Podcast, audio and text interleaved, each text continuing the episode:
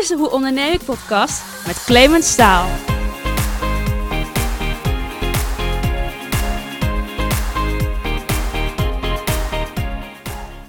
Welkom bij de Hoe Onderneem ik podcast. Tof dat je weer luistert. Mijn gast van vandaag was trendsetter op internet in een tijd dat nog veel mensen niet in internet geloofden. En in die periode was hij bezig met pionieren met het concept kroegenweb. Voor de tijd van Hives en uh, ja, Facebook was nog lang niet bedacht. Inmiddels is hij al jaren te beluisteren als spreker, als trendverkenner en inmiddels ook theatermaker onder de naam Fountainheads. En zeker in deze coronatijd is de boodschap actueel, want zoals hij zegt, zekerheden uit het verleden zijn onzekerheden in de toekomst. Ik heb een gesprek met ondernemer Jan Henk Bouwman over veranderende verdienmodellen, nieuwe lokale munteenheden en de lokale economie. Van deeleconomie naar disruptor zoals eh, Airbnb en Uber. We hebben het over de vraag of 20 man personeel en een Audi A6 nu succes betekent. En natuurlijk concrete tips om direct toe te passen als ondernemer. Luister mee naar het gesprek dat ik mocht hebben met Jan Henk Bouwman.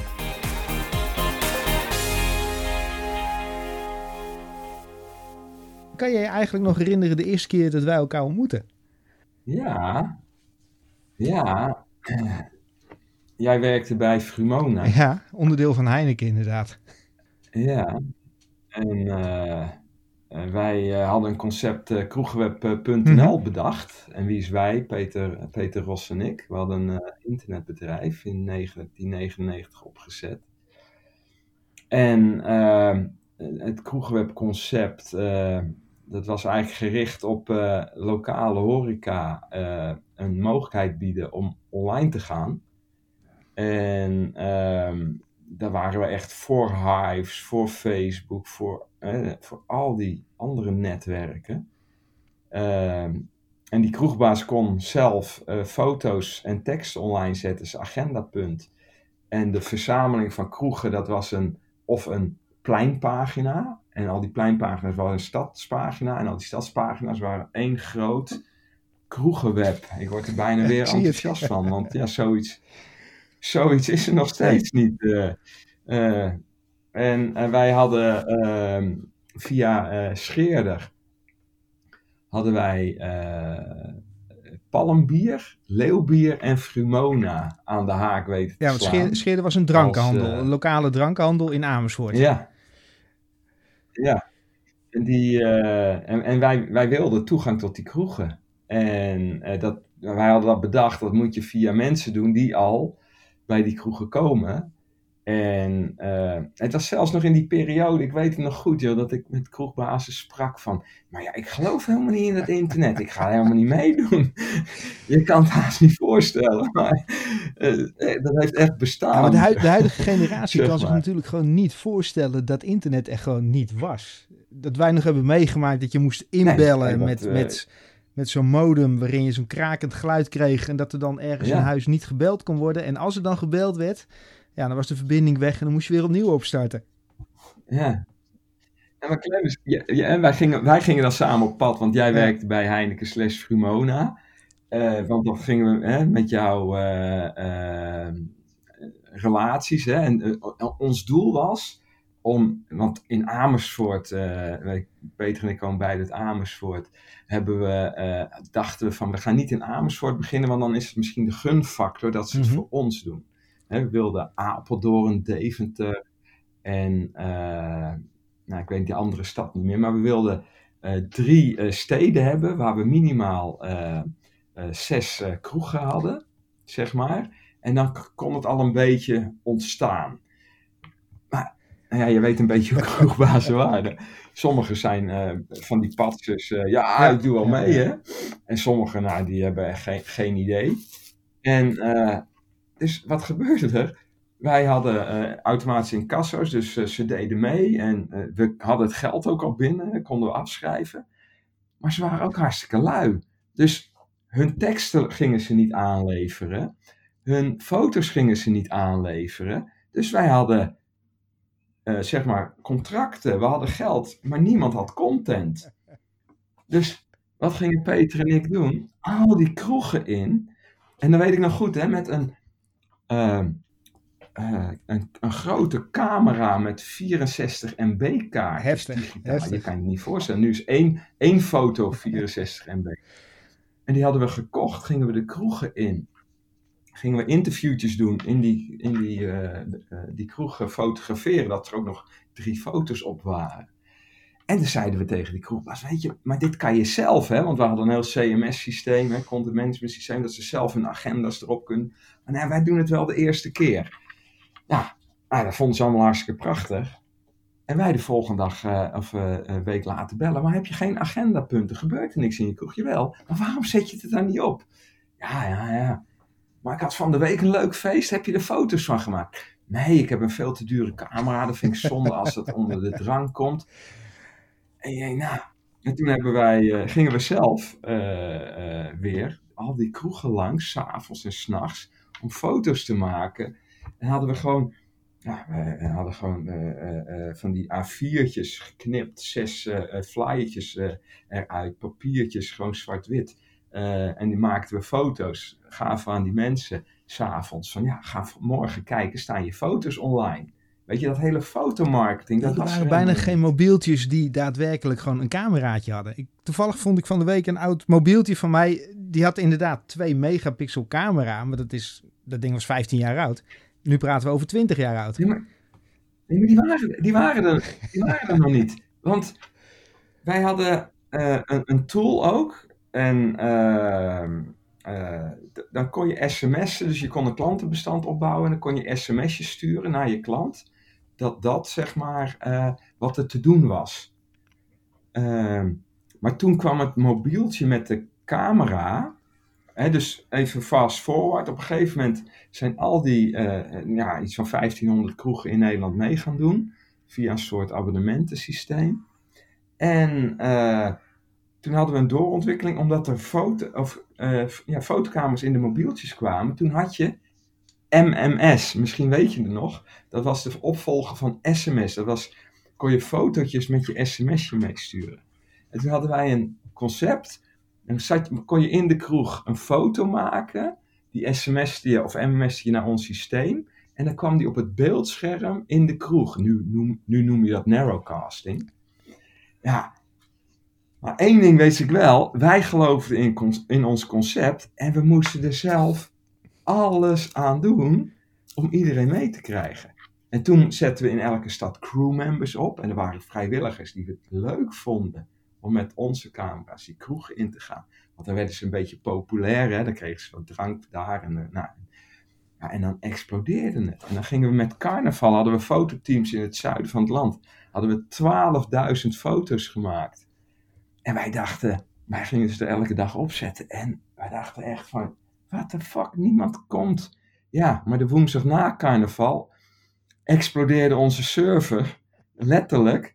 En onze hostingpartij waar we onze server hadden staan, die hadden echt gezegd, had je ons niet kunnen waarschuwen? Een heel servercenter lag eruit, omdat al die bezoekers die foto's Ja, dat was de tijd dat je daadwerkelijk achter je computer moest kruipen. Ik bedoel, op je mobiel had je geen internet, dus je kon niet tussendoor even checken. Nee, nee, Dus ja, wat, wat was de eerste dag? Dit was ja. 2001, 2000, 2001, 2002, 2003 was dit. Kijk, en toen, en dan kom je op het vak van ondernemen, en daar, daar spreek ik dan nog wel eens over, en ook met dit voorbeeld. Weet je, dus je wordt fan van je eigen concept. Je hebt een uh, abonnementenmodel wat je automatisch kan afschrijven. En dan komt -hmm. ineens Hives. Totaal ander ja. businessmodel. Uh, gratis, op een andere manier. En ineens in een exponentiële lijn met uh, leden, 9 ja, miljoen leden. Ja, werd ja. ons verhaal ineens wat moeilijker. En uiteindelijk, ja, langzaam.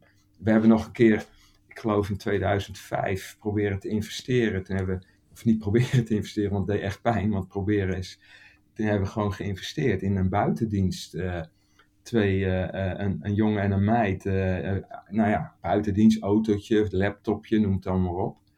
Maar die kregen geen voet meer aan de grond, want de wereld was door huis veranderd. Ja, en wij hadden geïnvesteerd. En ons systeem was natuurlijk vanuit 2001 om dat helemaal om te bouwen. Dat had veel, veel te veel investeringen gekost. En wij zaten op dat moment niet meer precies in die markt. Maar het, het was geniaal.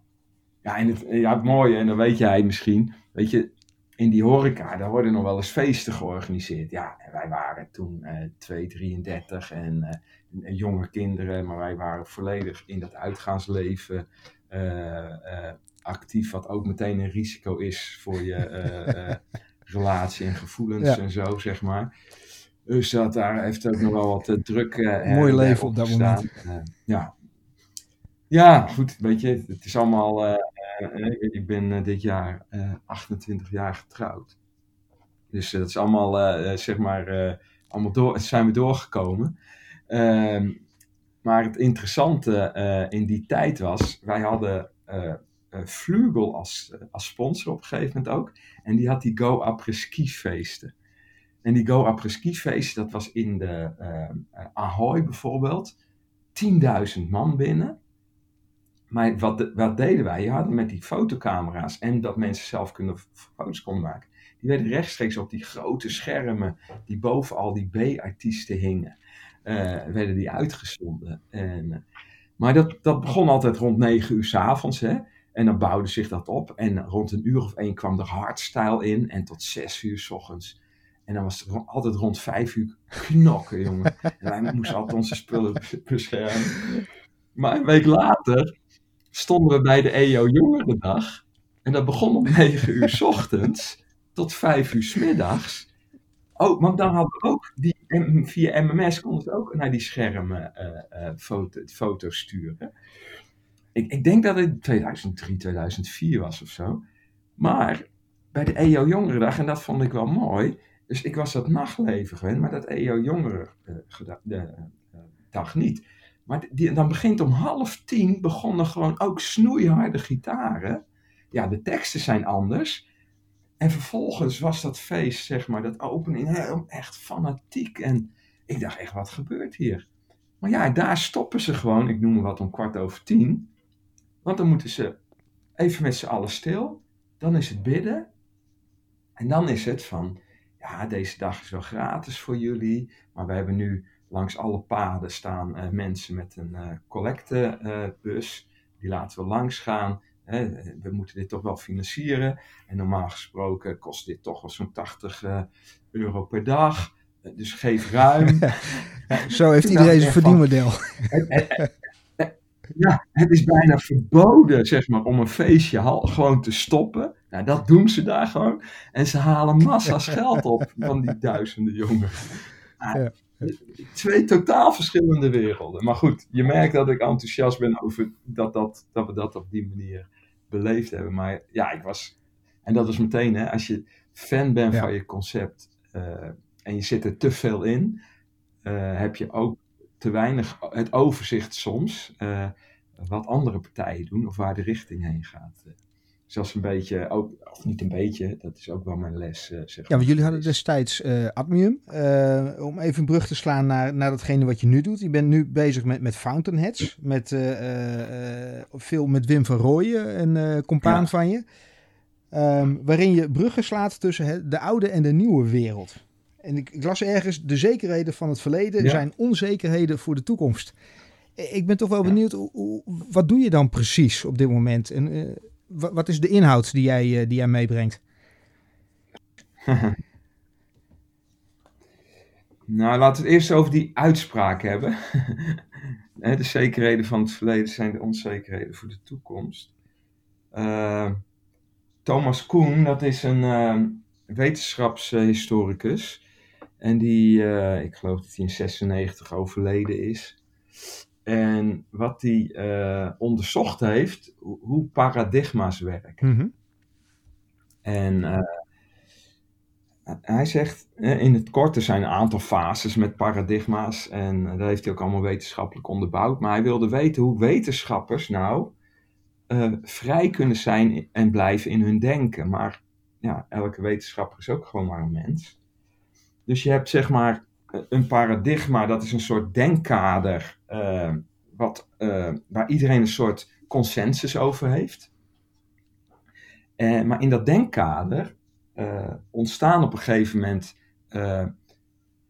hiaten, omdat dat denkkader ook zijn eigen problemen met zich meebrengt.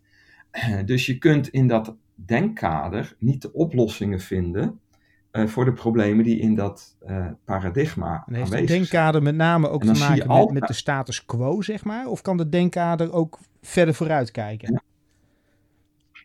Nee, wat je dan krijgt, hè, dus je hebt een soort consensus en dat noemt hij normal science. Dus ineens spreekt iedereen dezelfde uh, taal en ga, gaat iedereen uit van dezelfde vertrekpunten. en soms is dat handig, hè, dus we hoeven de wiskunde niet aan te passen, hè, om het maar even zo te zeggen. Uh, want ja, weet je, ergens komt er altijd een soort uh, basis ehm, extra waar, waarop je verder kunt bouwen. Die hoef je niet meer te bevragen. Maar we hebben altijd culturele vooruitgang, kennisvooruitgang, vooruitgang in culturele waarden. Maar feiten kloppen op een gegeven moment ook niet meer. Uh, en dan klinkt dat gek, maar als we denken in de wetenschap over feiten, uh, ergens in uh, 18, 1800 kwam er iemand achter dat eh, als hij zijn handen ging wassen, dat er minder kindersterfte en vrouwsterfte waren als die vrouwen hielp bij de bevalling. Ik ben even zijn naam kwijt. Maar al zijn uh, uh, collega's, die geloofden niet dat dat daardoor kwam. En ja, die weigerden min of meer uh, hun handen te wassen. Totdat hygiëne echt een ding ging worden. En toen kwamen we er met z'n allen achter dat dat toch handig was om het anders te gaan doen. Ja, dus in feite heb je een, een, overtuiging, een consensus, tot het tegendeel zeg maar bewezen wordt. Of tot er een ander inzicht is. Ja, en dat noemen, ja, en dan noemen we geregeld ook wel feiten. Uh, kijk, uh, ik, ik, vergelijk het ook wel eens met een vis in het water. Hè. De vis zit heerlijk in dat water, heeft geen idee ook van het water, heeft ook geen idee dat er boven het water ook nog een wereld is. Maar alleen daar is een natuurwet, hè? die vis kan niet buiten het water. Maar wij kunnen als persoon groeien, als cultuur groeien. We kunnen nieuwe inzichten uh, verkrijgen. Uh, waardoor we kunnen ontwikkelen. Dus als je in een zeg maar, denkkader vast komt te zitten en heel je cultuur en onderwijs is daarop gericht. Maar er gaan een aantal rebellen komen die uh, andere talen hebben, die andere inzichten proberen in te brengen ja, dat voelt gewoon niet fijn voor de mensen die in dat denkkader vastzitten. Want dat is, dat is, dat is eigenlijk helemaal ja, ingrained in je, in je lijf, in alles, in alles wat je doet. Neem daar maar eens afstand van. Nou, wat hij dus ook ziet en onderzocht heeft, is dat wetenschap zich ook ontwikkelt. Dus je hebt een kleine fase dat, eh, ja, dat er uitgedaagd wordt om het huidige paradigma te verlaten. Maar vervolgens gaan die re uh, rebels, zeg maar, ook met elkaar weer nieuwe taal creëren. En nemen ineens een hele hoop mensen mee naar dat nieuwe paradigma. En dan zie je dat die ook weer in normal science terechtkomen. Dus vastkomen te zitten in hun eigen denken. Nou, en zo zie je de, continu een soort uh, cyclus in die, in die uh, uh, wetenschappelijke paradigmaverschuivingen. Uh, waardoor iedereen eigenlijk steeds gaat bewijzen wat hij eigenlijk al weet, om te laten zien uh, uh, wat hij weet. En ook in de wetenschap is, is eigenlijk de uitdaging om te zoeken naar wat je niet weet.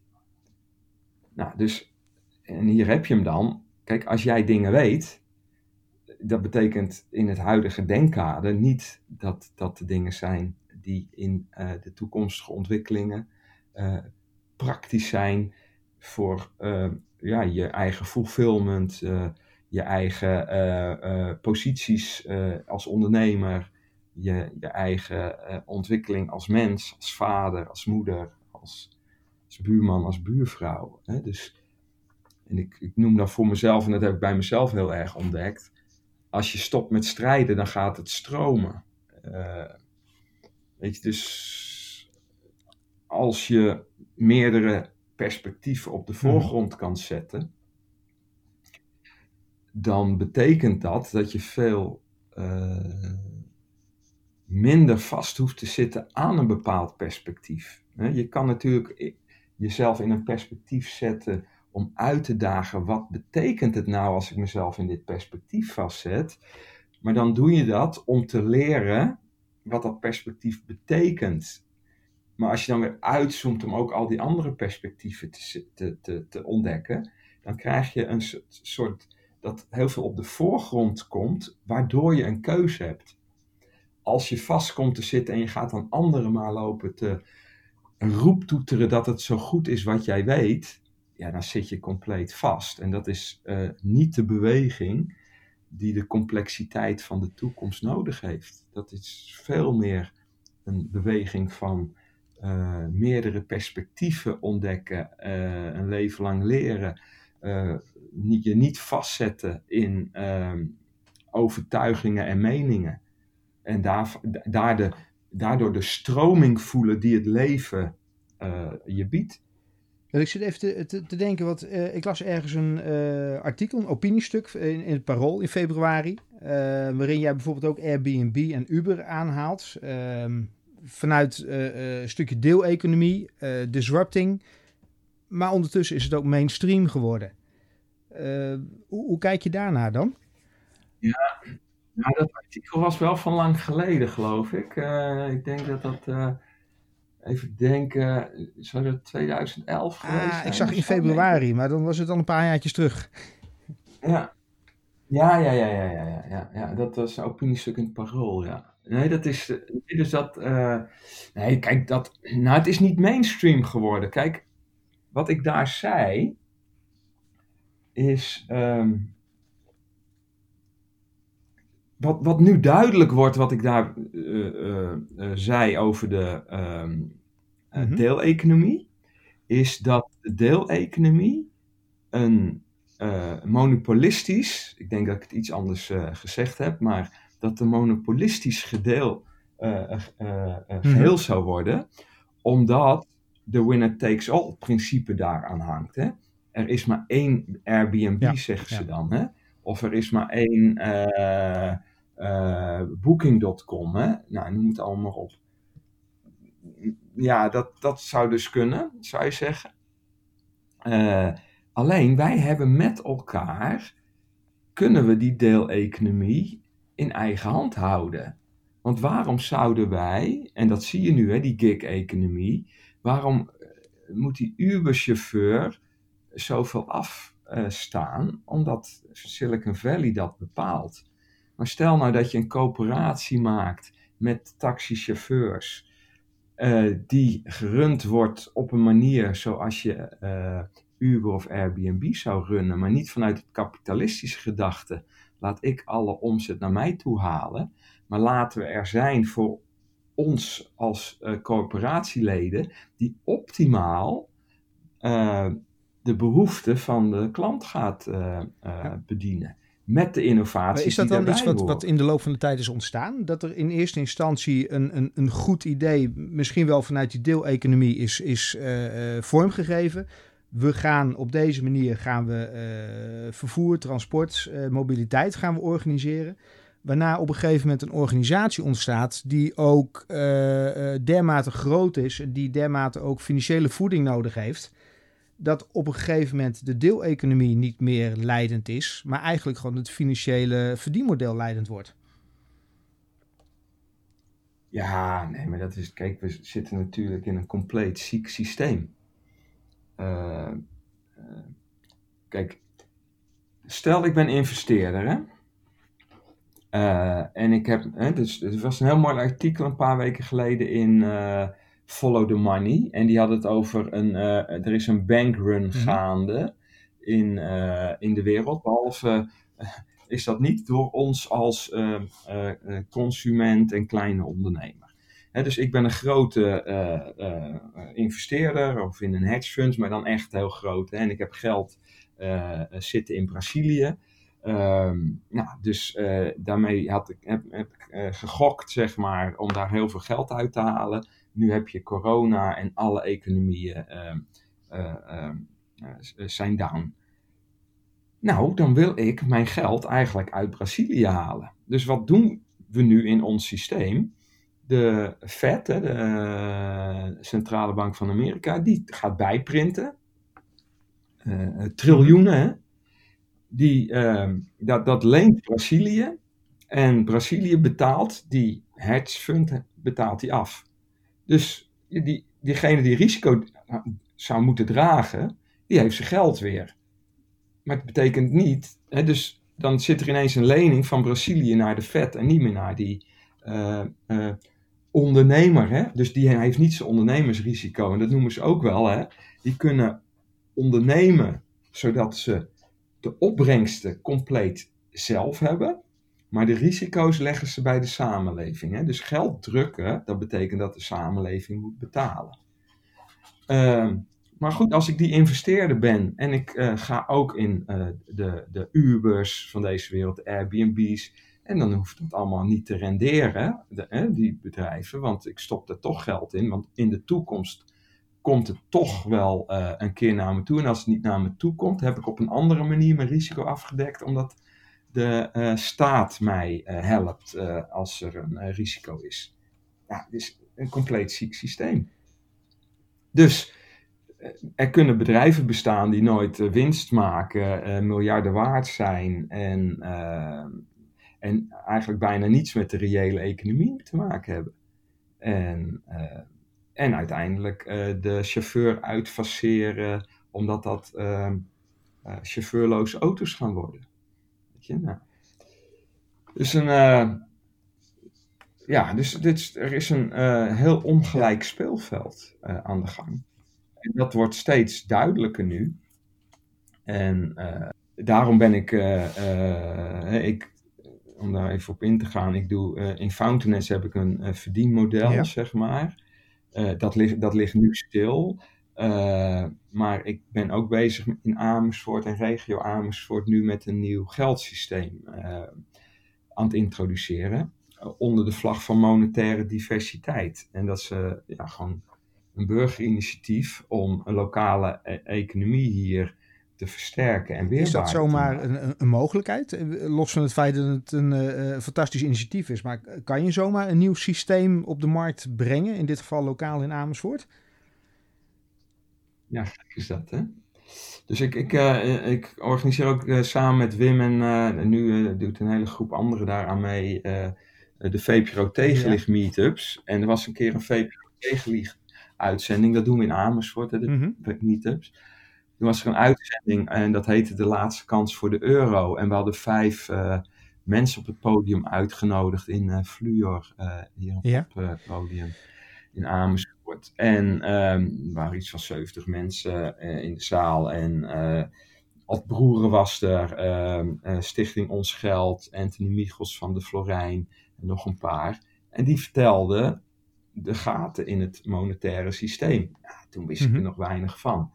En ik dacht echt, ja, hoezo hoor je hier nooit wat van, zeg maar. Uh, en nou, dan ga je erin verdiepen. En de mensen die uh, de, de, eh, van de economie afdeling afrollen van ons mm -hmm. onderwijssysteem. Die, die, die, roepen ook ineens van, ja, maar nu ik me echt in de economie ben gaan verdiepen, hoezo hebben we dit allemaal niet geleerd op school, hè?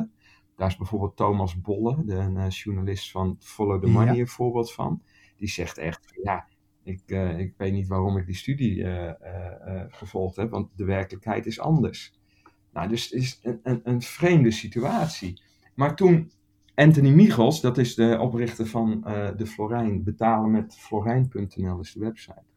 Die heeft gewoon een systeem en daar zaten al 600 rekeninghouders destijds op.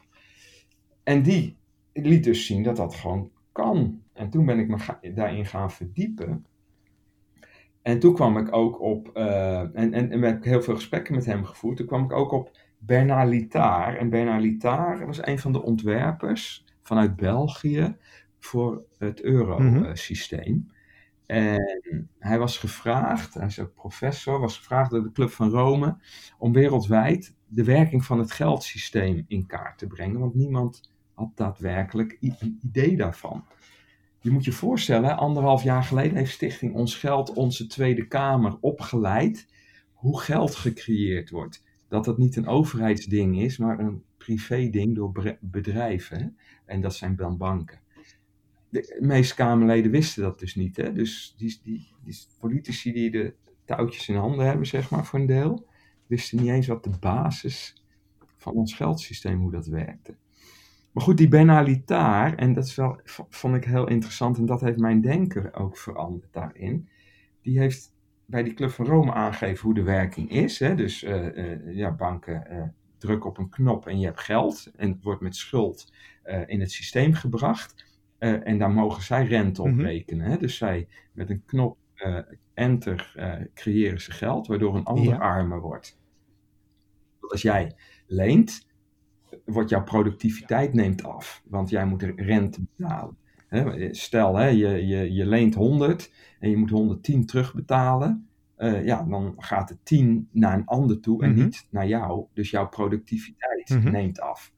En zo, verdien, zo verdienen mensen geld met geld. Hè? Uh, dus, die hoeven, en, dus je hebt verdiend vermogen en onverdiend vermogen in de economie. En als je onverdiend vermogen hebt, dan werk je dus eigenlijk niet voor je geld. Je krijgt het gewoon omdat je geld hebt, zeg maar. Uh, dus die Benalita had dat uh, helemaal uitgeraafd. En toen heeft hij het gekoppeld samen met een, een expert op monocultuur en ecologieën. En een e ecologie, hè, bijvoorbeeld bos, ja, dat, dat, dat werkt het beste als daar een diversiteit aan natuur staat. En, en, en dat zijn de, uh, uh, de varens, de bomen, de insecten, de, de beesten die er rondlopen. En alles heeft dan een balans. Uh, het is niet heel efficiënt, maar het is wel duurzaam en mm -hmm. veerkrachtig. Maar zodra je er elementen uit gaat halen en je gaat naar monocultuur, dus bijvoorbeeld bosbouw, en je hebt één soort dennenboom omdat dat heel efficiënt is om uh, op je terrein neer te zetten en je kan dat heel slim kappen en de markt vraagt ook om die specifieke dennenboom, is heel efficiënt. Maar ja, als jij één tor of weet ik wat uh, voor rups in jouw uh, dennenboom krijgt, dan is je totale productie is weg. Hè? Dus monocultuur in de landbouw, het zorgt voor grondverschraling en noem het allemaal op. De, de, de, de vitamines in voeding neemt af hè, door, door hoe we zeg maar, uh, in die monocultuur uh, de landbouw beoefenen. En zijn vraag was: waarom hebben we wel monocultuur in het geldsysteem? En uh, nou, daar is je heel verdiepend in gaan onderzoeken. Dus we hebben alleen maar de euro. Hoezo moet je bij de lokale kapper met een euro betalen, die door het financiële systeem schaars en niet schaars gemaakt wordt? Dus ze kunnen geld bijprinten, of ze uh, uh, zorgen ervoor dat ze geld onttrekken uit de economie, wat er, waardoor er minder is. En dan gaan ze op hun handen zitten, op hun portemonnee zitten. En als alle waardes van huizen en, en, en, en, en assets naar beneden zijn gegaan, dan stappen ze weer in. Dus het is een soort gewoon een, een, een schaarste- en overvloedmodel waar een paar mensen de tijd. Ergens klinkt het ook logisch als je nagaat dat, dat geld nog steeds gewoon een ruilmiddel eigenlijk is. Het, het, het, vervangt het feit dat ik eieren heb en dat jij, weet ik veel wat, uh, uh, melk hebt. En dat we gaan ruilen. Ik bedoel, geld is een ruilmiddel wat dat betreft. Dus waarom zou je inderdaad niet een, een, een andere munteenheid of wat dan ook kunnen introduceren? Nou kijk, en, en daar zit de, de, de, het systeem. Hè? Uh, het systeem is er niet bij gebaat dat wij dit weten. Uh, omdat het systeem dan hun rente niet meer kan ja. kunnen ja. verdienen. Snap je? Dus uh, Anthony Michels, uh, ja, een monetair architect, die een aantal munten heeft ge geïntroduceerd en daar heel veel van geleerd heeft en wereldwijd onderzoek gedaan heeft. Die heeft nu een, een, een munt gemaakt, de florijn, die ondernemers kan financieren. dus je kan extra liquiditeit in een lokale economie stoppen. Hij is inwisselbaar ook voor de euro. Ehm, je kunt er renteloze kredieten mee gaan verschaffen. En moet je je voorstellen als ondernemer dat jij je rekening courant, waar je soms misschien wel 7 tot 11 procent op betaalt, dat je die 7 tot 11 procent in je zak kan houden. Maar het, maar het gekke is, het gaat om netwerkdynamiek. En dan leg ik het wel eens uit. Als jij in je eentje een uh, e-mailadres hebt, heb je mhm. helemaal niks aan. dus je hebt er ook niks aan als je in je eentje een Florijn-rekening hebt. Het wordt pas interessant als iemand anders hem ook heeft, dat jij, als je Florijnen hebt, dat je hem kan uitgeven ergens. Dus, maar, dus je hebt de netwerkdynamiek nodig om met elkaar die lokale weerbare economie te bouwen. Maar als vissen in het water zitten, en zo zit dat, ga maar het verhaal. Ja, Dus dit verhaal is niet heel moeilijk, maar het heeft heel veel persoonlijke aandacht nodig om ondernemers. En dan is de cirkel weer rond. Ik heb gisteren bij Scheerder gezeten. Uh, bij, bij Scheerder, vierde generatie ondernemer in uh, dat mhm. familiebedrijf. En, nu zijn we in Amersfoort met ondernemers en ondernemersverenigingen. Zijn we net vorige week mee gestart om naar buiten te treden. Om individuele gesprekken te voeren om hen op te leiden in dit denken, zeg maar. En daarna ook meteen, hoe kunnen we hier uh, uh, direct ook actie op gaan ondernemen. Dat we alvast gaan oefenen met elkaar. Hoe gaat dit werken? Om in september dan uh, wat grootser naar buiten te gaan. heb jij de indruk dat van, mede vanwege de huidige coronasituatie, waarin bedrijven het gewoon erg lastig hebben, dat, dat dit een extra vlucht gaat nemen? Of hoe, hoe kijk je daarnaar? Nou, kijk, het verhaal wordt iets duidelijker nu.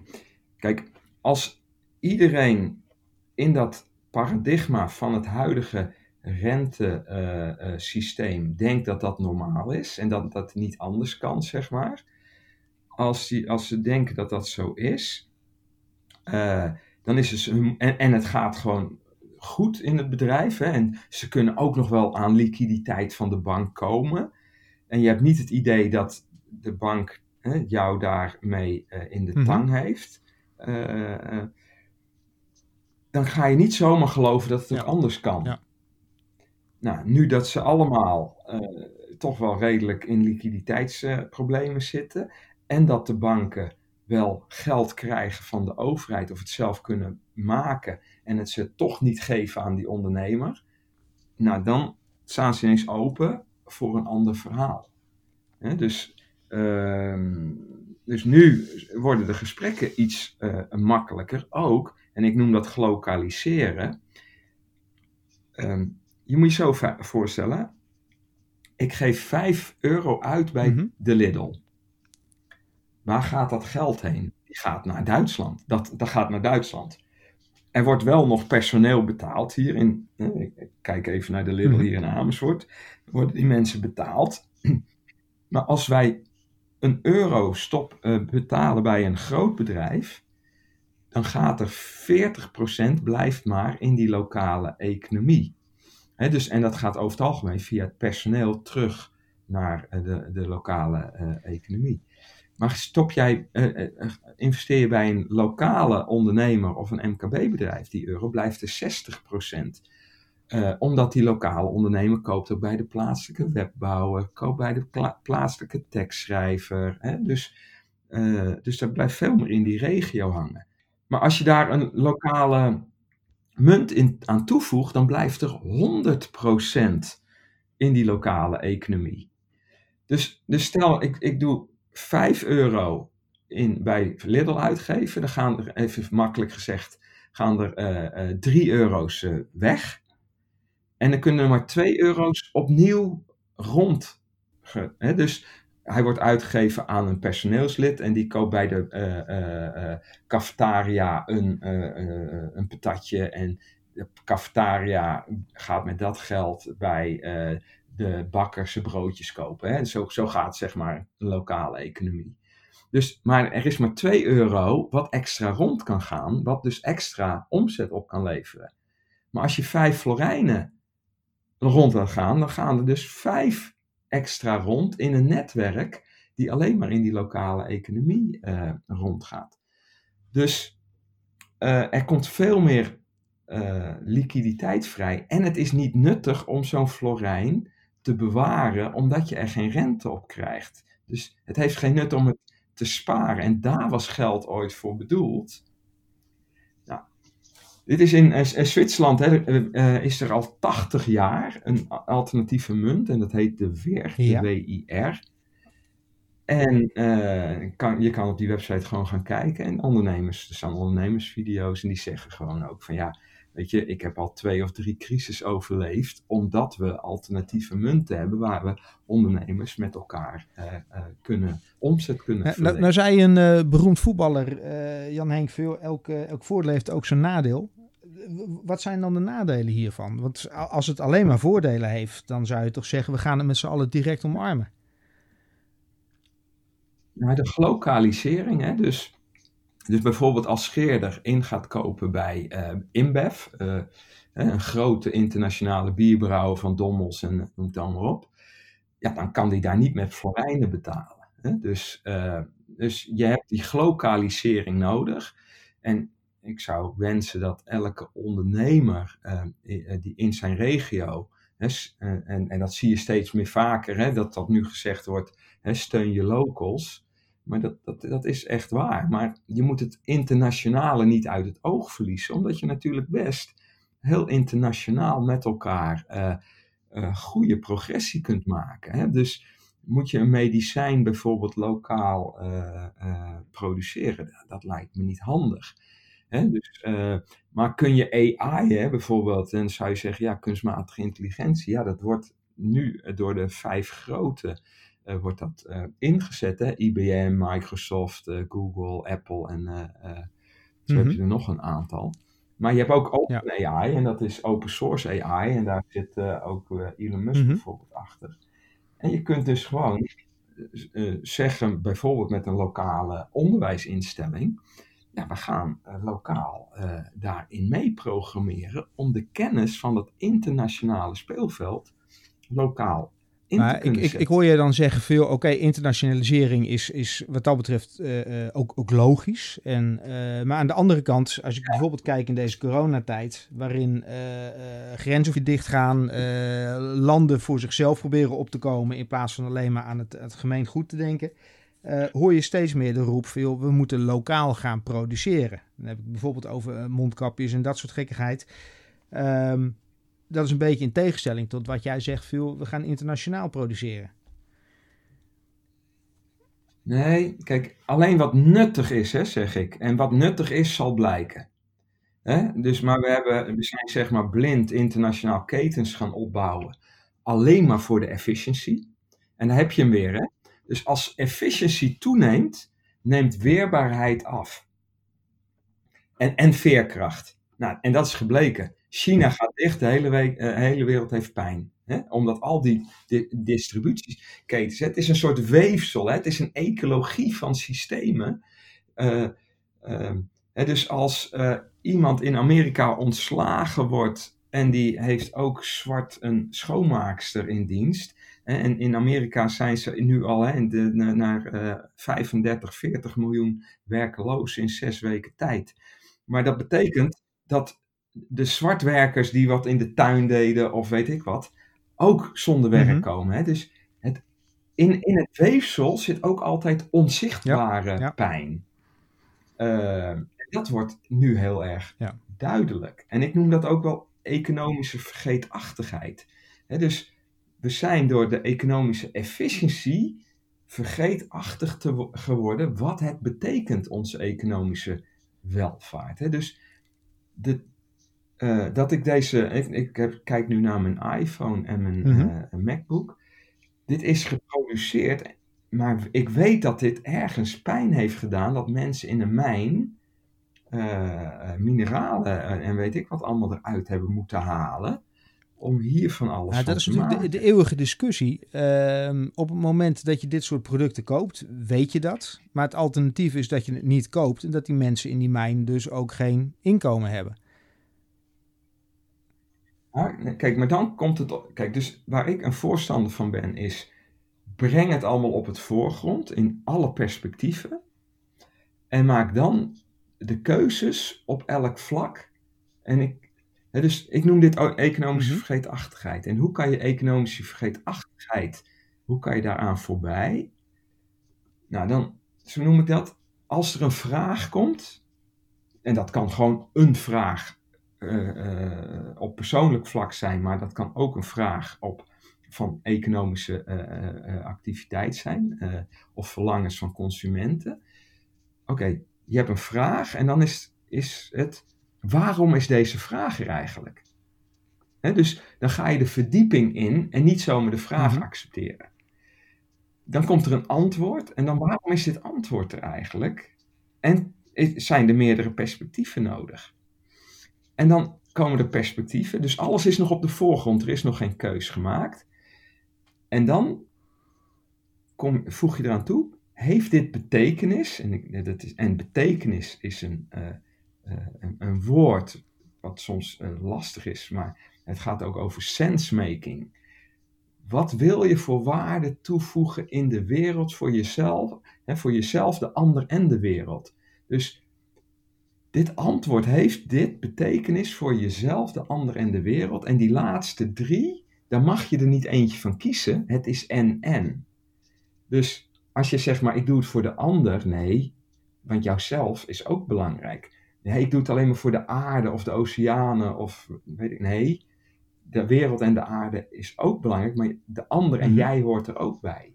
Snap je? En dan heb je altijd het integrale perspectief van de perspectieven van de mogelijkheden en wat voor betekenis het heeft. En dan kun je best eens zeggen, oh, dan gaan we dit niet doen.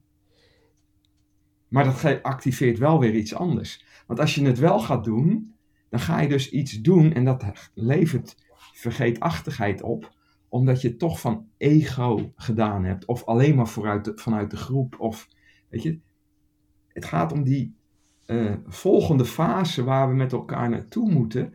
En dat is een soort bewustzijnsproces in alle complexiteit die we voor ons krijgen. Dat we een soort collective sensemaking gaan doen. Dat we met elkaar gaan kijken naar al die perspectieven en in balans de keuzes maken. En dat betekent niet eh, geen eh, individuele autonomie, zeker niet, maar de, de keuzes die je maakt gaan niet meer ten koste Is van dat de ook de, de, eh, de missie die jij en, en, en Wim voor ogen hebben met, met Fountainhead, zeg maar? Ja, dit is. ehm, ik, ik zit in een aantal eh, persoonlijke en, en spirituele groeitrajecten en opleidingen. Eh, dus eh, ik, ik, dit is heel erg, zeg maar, eh, mijn Mhm. verhaal. Dus eh, Wim eh, is ook niet eh, betrokken bij een Florijn-introductie. Dus in, in de Mhm. Fountainheads proberen we ondernemende mensen anders naar hun Mhm. toekomst te kijken. Daar heeft Wim een visie op en daar heb ik een visie op. En vervolgens hebben we daar veel over. Dus ik raak geïnspireerd door Wim en hij door mij. We creëren onze eigen taal daarbij. En dat geeft een bepaalde dynamiek op een podium. eh, en in interactie met de ondernemers. Eh, hè, dus eh, en wat ik net vertelde is zeg maar mijn beeld zoals ik zie hoe de wereld zich zou moeten ontwikkelen. En dat is, nou, het is niet, dat, daar zijn zaadjes eerder Ja. voor geplant, maar nu komt er lang, langzaam ook tekst uit. Om zo maar te zeggen. Krijgt handen en voeten. En, en, en, en daar leer ik van hè, in de interactie met, met jou. Ik heb een aantal andere podcasts mogen doen. eh, en, ehm, maar, maar zo zie ik, eh, en, en zou ik het mooi vinden. Ik mocht laatst eh, voor de Han Hogeschool, en dat was, dat was niet om omzet, maar om die jonge studenten te helpen met anders naar hun eigen toekomst te kijken. En heb ik dit ook Mhm. neergezet. Van jongens, het gaat niet meer om jouw eigen positie. Ja, het gaat om jouw eigen positie in relatie tot de ander en de wereld. Eh, en, en zo krijg je ook een veel meer eh, vervullend leven. Want het is zonde eh, dat je erover, als je er over twintig jaar achter kwam en je ziet van goh, ik heb keihard gewerkt, ik heb een dikke bankrekening, mooie auto's, maar ik heb toch de opvoeding van mijn Ja, kinderen ja. gemist, bijvoorbeeld.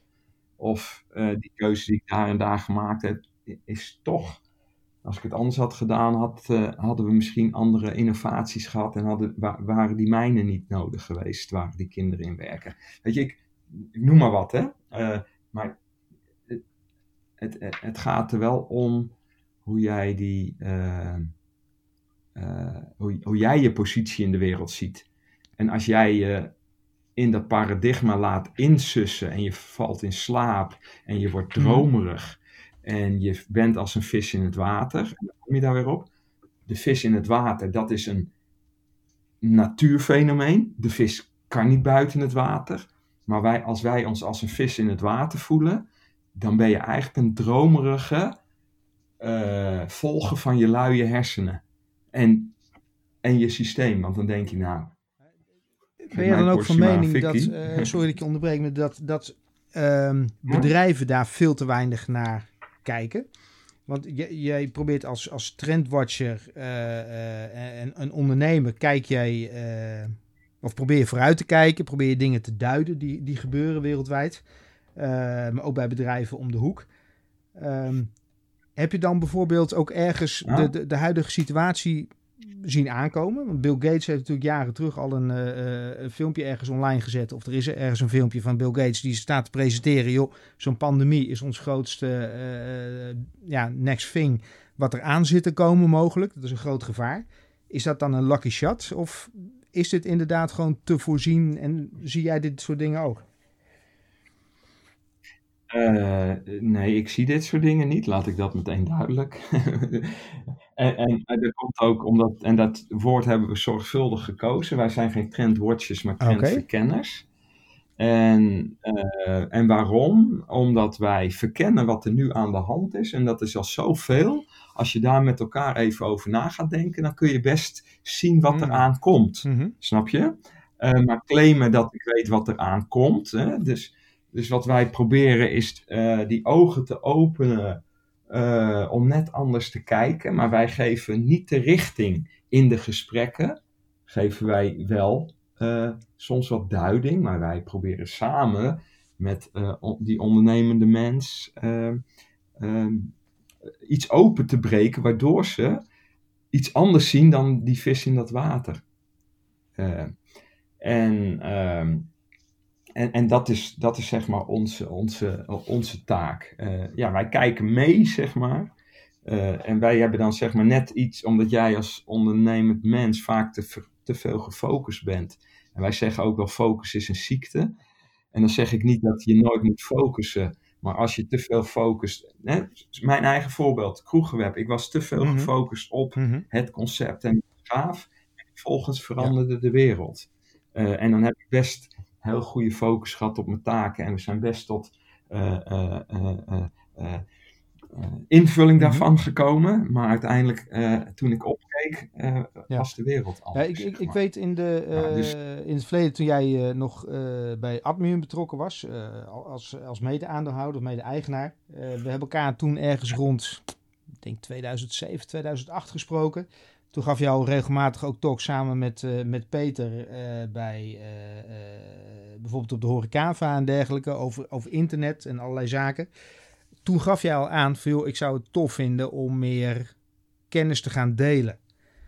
Um, hoe, hoe, hoe, heb je dat uiteindelijk, of hoe ben je dat uiteindelijk aangevlogen? Want ik kan me voorstellen dat uh, er ook heel veel ondernemers misschien nu luisteren, jonge ondernemers, oudere ondernemers, die zeggen van ja, ik, ik heb een bedrijf, ik, ik zie wel dat ik moet veranderen, ik wil misschien uit mijn bedrijf, ik wil totaal wat anders gaan doen, of ik wil op een andere manier wil ik gaan werken, ander verdienmodel. Um, jij hebt op een gegeven moment de stap genomen om uit dat bedrijf te stappen. Um, ja, en ik zou zeggen, toch totaal wat anders te gaan doen. Je had eerst personeel, je werkt nu zelfstandig, weliswaar met een aantal, uh, aantal mensen om je heen. Uh, hoe, hoe, heb jij die stap gemaakt? Hoe, hoe is dat proces gegaan? Ja, kijk, um, dat, dat proces, weet je, op een gegeven moment, ik werkte 16 jaar samen met Peter. De synergie uh, was eruit. Um, we zaten zelf ook te zoeken naar een mhm. nieuwe fase. Ik, ik was daar wat uh, uh, druilerig in. ik wist het wel een beetje, maar niet helemaal. Maar ik wist wel dat het admium niet was. En toen zei Peter op een gegeven moment: joh, weet je wat, eh, ik, ik neem gewoon de beslissing voor mezelf. Ik wil gewoon verder hiermee. Ja, toen stond ik voor, maar niet meer met jou. En toen stond ik voor een voldongen feit. Het is allemaal iets subtieler gegaan, maar eh, even de, Mhm. grote lijn. En toen was het een voldongen feit. En toen eh, hebben wij eh, samen eerst iets opgezet. En dat, dat heette dan Fountainheads. Om te kijken van kunnen we een ander businessmodel al creëren. Dat ik een soort een fade-out kreeg in het Mhm. bedrijf, zeg maar. Nou ja, vervolgens gingen een aantal dingen, zowel financieel en onderling, niet, niet, niet goed. En toen heb, heb- hebben we versneld, heb ik dat als eh eenmanszaak. En eh, je moet je voorstellen, ik had geen eh, kapitaal. Het enige was, ik had mijn huis niet meer als onderpand. En ik had ook nog geen omzet. En mijn vrouw werkte ook in Admium. En dat, die was eh, beginnend fotograaf destijds en had ook nog geen omzet. Ja, dat is een goed moment. Eh, eh. en die ging er ook uit. Ja, dus ik kom weer naar mijn vader toe om geld te lenen om de zomer door te Maar komen. ja, je had een groot bedrijf. Ik bedoel, je had, wat is het, 20, 25 man misschien zitten? Ik, Ja, ik zou dan toch denken, joh, je bent een eh, gevierd ondernemer op dat moment en je hebt toch wel de nodige kapitaal op je, op je bankrekening staan. Ja, mooi is dat, hoe anderen altijd invulling geven aan de positie waar je staat. zeker. Hè? ja, dat, maar dat is natuurlijk het, eh, het hele grote eh, issue. Eh, weet je, en dat is ook eh, de- waar ik me in ben gaan ontwikkelen. Waarom doe ik de dingen die ik doe? En op dat moment wist ik Mhm. het antwoord niet. Hè, wie ben ik Ja. en waarvoor ben ik hier? En daar kwam voor mijzelf de zoektocht uit. Ehm, ja, oké. ik, en ik noem dat even bezit. Hè? Eh, ik- bezit had bezit van me genomen. Maar bezit, dat noemde ik Ja. ook mijn imago. Hè? Dus precies wat jij nu omschrijft. Hè? We gingen van een Audi A4 naar een Audi A6 en noem het allemaal op. En dan ga je eh, eh, op een gegeven moment het bedrijf wat afbouwen. Gaat de Audi A6 eruit. Ik had gewoon een beetje eh, een soort rouwproces. Omdat ik dacht van ja, had ik niet een paar kleintjes extra kunnen scoren. Dan had ik de auto in stand kunnen houden. Ja. Ja, ik Ja. noem dat nu wel. Weet je, als je eh, als bezit bezit van je neemt, word Ja. je een arme zak. Dus als je het doet voor het imago wat je zorgvuldig hebt opgebouwd. En jij bent Mhm. de ondernemer. Weet je, of als jij een rol hebt in je leven dat je ondernemer doet, dat is iets anders. Dat je vereenzelvigd bent met die ondernemer. Dus ik ben veel meer, heb ik het proces voor mezelf opgestart. Wie heeft de leiding over mijn leven? En dat waren al die patronen, dat, was, dat, dat, dat, ik, dat ik toch ook ging denken van, nou, weet je, zoals jij Mhm. nu naar me kijkt, zeg maar, hè, hoe je dat nu, Ja. nu neerzette. In die periode had ik echt gedacht, kijk, het is Ja. gelukt. Ja. Fijn dat je zo denkt. Maar ik had echt niet, bijna niet gezegd van, eh, nee, eh, we zijn volledig tot, tot over de oren gefinancierd. En eh, eh, als het vakantiegeld uitbetaald moet worden, moeten wij eh, soms zelf onze eigen salarissen kunnen we niet betalen. Hè? Dus we hebben heel veel liquiditeitsstrijd gehad. En, weet je, maar het zou mooi zijn als je dat gewoon met elkaar als ondernemers kunt delen. En ik had daar wel een ontwikkeling al in hoor, bij, bij, dat ik wel eens zei op eh, eh, netwerkclubs, weet je, dan vroeg iemand, ja, hoe gaat het dan? Zei ik altijd, begon ik op een gegeven moment van, ja, weet je, die debiteuren, dat is altijd zo lastig, hè? die betalen zo en dan kom ik toch altijd een beetje in de liquiditeit. En dan kreeg je ineens een gesprek dat zij ook zoiets zeiden, zeg maar. Eh, maar, maar voor je het weet sta je tegen elkaar op te Ja, het te gaat bieden. geweldig. En ja, en dan zit je, zit je diep in de ellende. Hè, dus het is, ik heb veel meer geleerd om vanuit mijn eh, basisverlangens eh, eh, in het leven te staan. En ik heb dat ook wel genoemd. Ik wil dingen doen waar eventueel Ja, omzet ja. uit voortkomt. En dat is nu ook, dus weet je, ik heb mijn huis een paar jaar geleden verkocht om uit dat financiële systeem te gaan zoals Mhm. ik dat net omschreef. Hè, mijn vrouw en ik hebben dan een, een, een buffertje. En wij noemen dat ook wel bezitloos leven. Hè, we willen veel meer naar een bezitloos leven. En inkomensonafhankelijkheid. Zoals Wim, die is, is financieel onafhankelijk. Hè, die heeft een paar Mhm. dingen goed gedaan met zeg maar, ondernemen. En dan goed gedaan in de zin van geld verdienen. Uh, en ik probeer een inkomensonafhankelijk leven op te bouwen. Dus zo laag mogelijk kosten, zo flexibel mogelijk uh, in die kosten zijn, dat ik morgen, als het de ellende er is, kan verkleinen. Dat was zeg maar mijn houding. Je moet je voorstellen, de afgelopen paar jaar heb ik best veel geld kunnen verdienen met die podiumsessies. En dan zei de accountant ook van ja, je moet eigenlijk een uh, leaseauto nemen. Want kijk, ik heb helemaal geen kosten als spreker. Hè? Dus ik heb hoge omzet, dus ik moet heel veel belasting betalen. Dus het is best handig om kosten te hebben. Maar omdat ik niet wilde naar, naar, dat bezit of uh, vaste kosten, heb ik gekozen, oké, dan betaal ik maar meer belasting. Dus ik heb nog steeds mijn oude Prius, om zo maar te zeggen. Maar ik had nu direct pijn gehad hè, daarvan. Snap je? Dus mijn omzet was op nul gegaan, maar ik had wel 1000 euro, noem maar even kosten in de maand gehad, alleen omdat ik een auto wilde. Snap je? Dus van waaruit leef je? Dat is misschien wel. Uh, en heb je. Uh, wil, wil je die kosten en die risico's wel nemen? Uh, en vanuit welke motivatie of verlangen? En doe je dat dan vanuit je betekenisgeving voor de, jezelf, de ander en de wereld? En de ander is dus ook je kinderen, je vrouw, je, je man, uh, je vriendinnen, je vriend. Nou, noem het allemaal. En zou dat ook een van, van de tips zijn die jij mee zou geven aan andere, uh, misschien jonge startende ondernemers? Um, want je, je, hebt natuurlijk wat dat betreft een enorme bak aan kennis. Ik bedoel, uh, ondertussen ben je ook theatermaker geworden. je hebt natuurlijk Admium gehad, daarvoor een aantal andere bedrijven samen met Compions gehad. Je kijkt nu al jaren, ehm, nou, verken je in ieder geval wat op dit moment trends en ontwikkelingen zijn wat zouden bijvoorbeeld drie tips zijn die jij kan meegeven aan, aan, aan andere ondernemers vanuit jouw reis die je hebt meegemaakt? Ja, één is leef je eigen leven. Maar niet vanuit mhm, narcisme mm -hmm. of egoïsme, maar uh, weet wie er leiding over je leven heeft. Weet je, dus als jij je laat financieren door de bank, dan heeft de bank daarna leiding ja. over je leven. Want het is niet dat alles lukt, mm -hmm. snap je? Ja, zeker. Dus, uh, en, en dan komt de tweede erbij.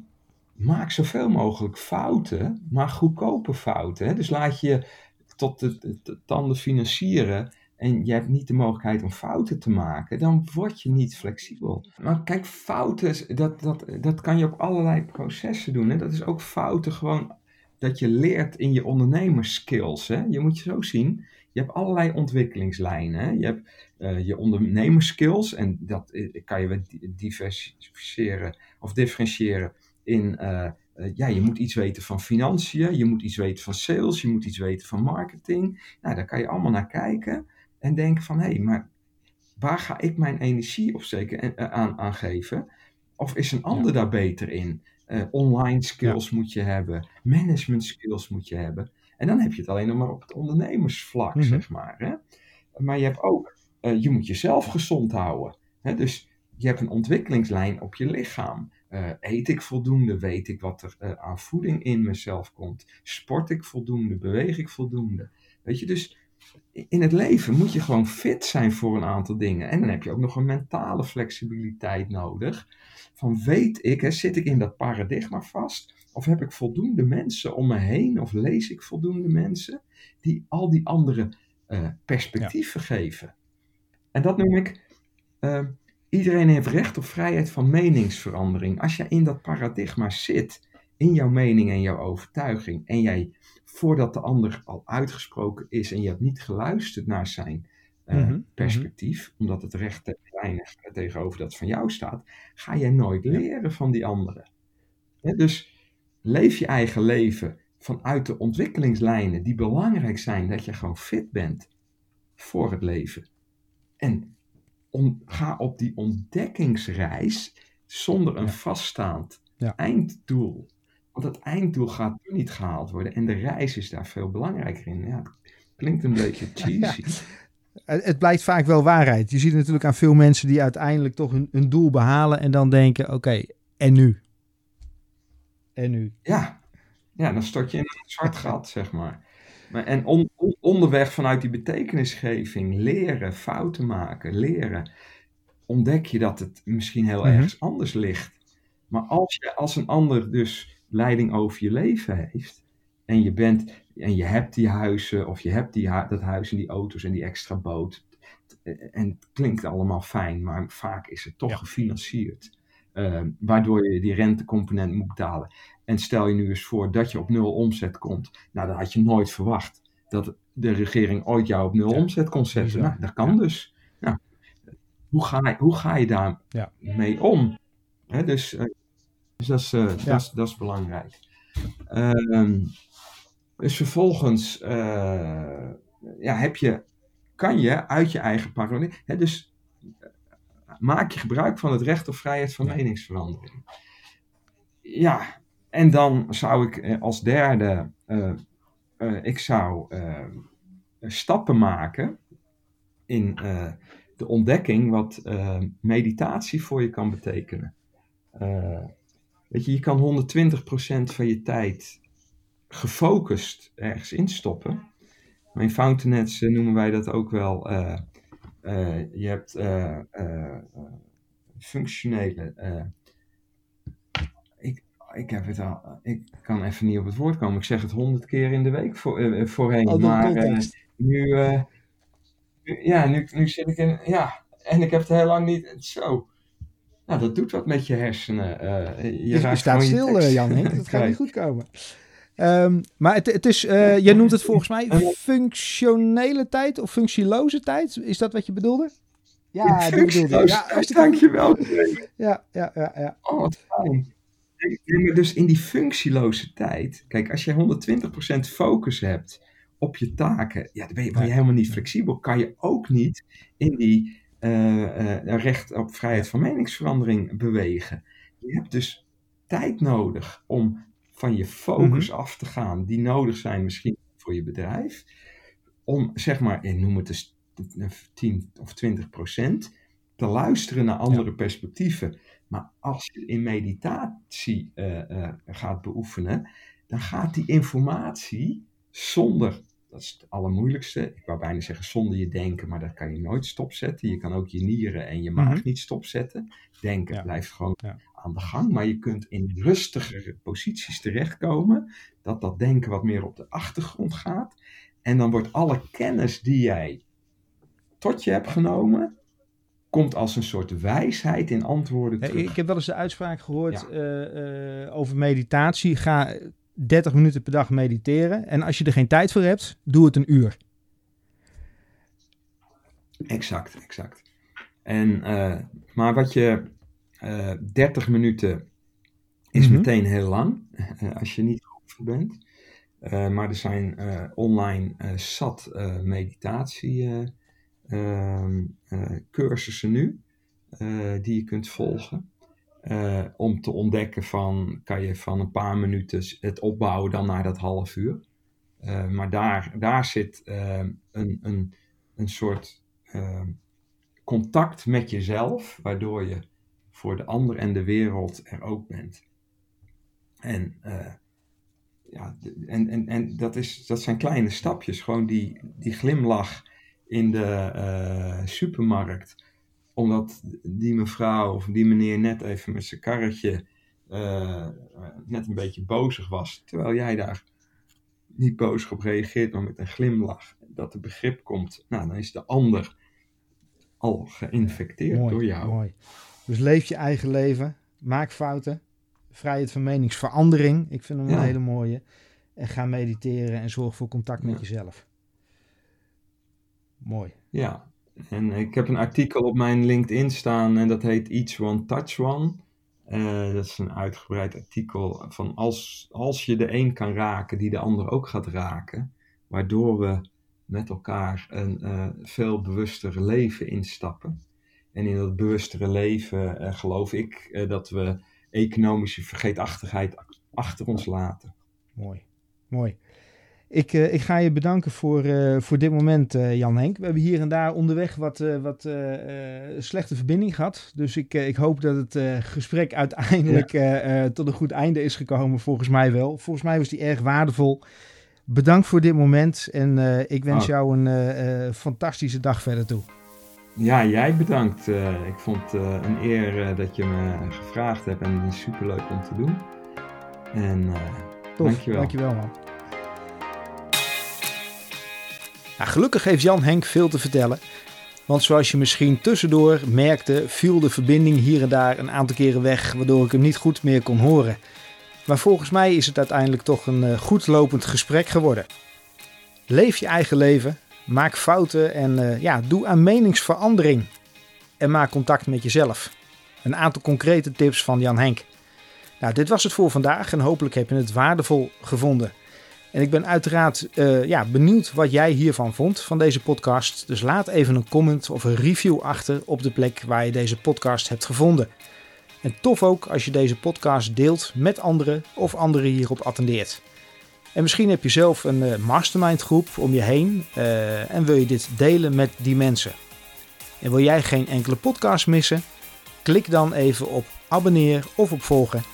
En wil je in contact komen, dan kan dat via de bekende kanalen zoals LinkedIn of via info@hoeondernemik.nl.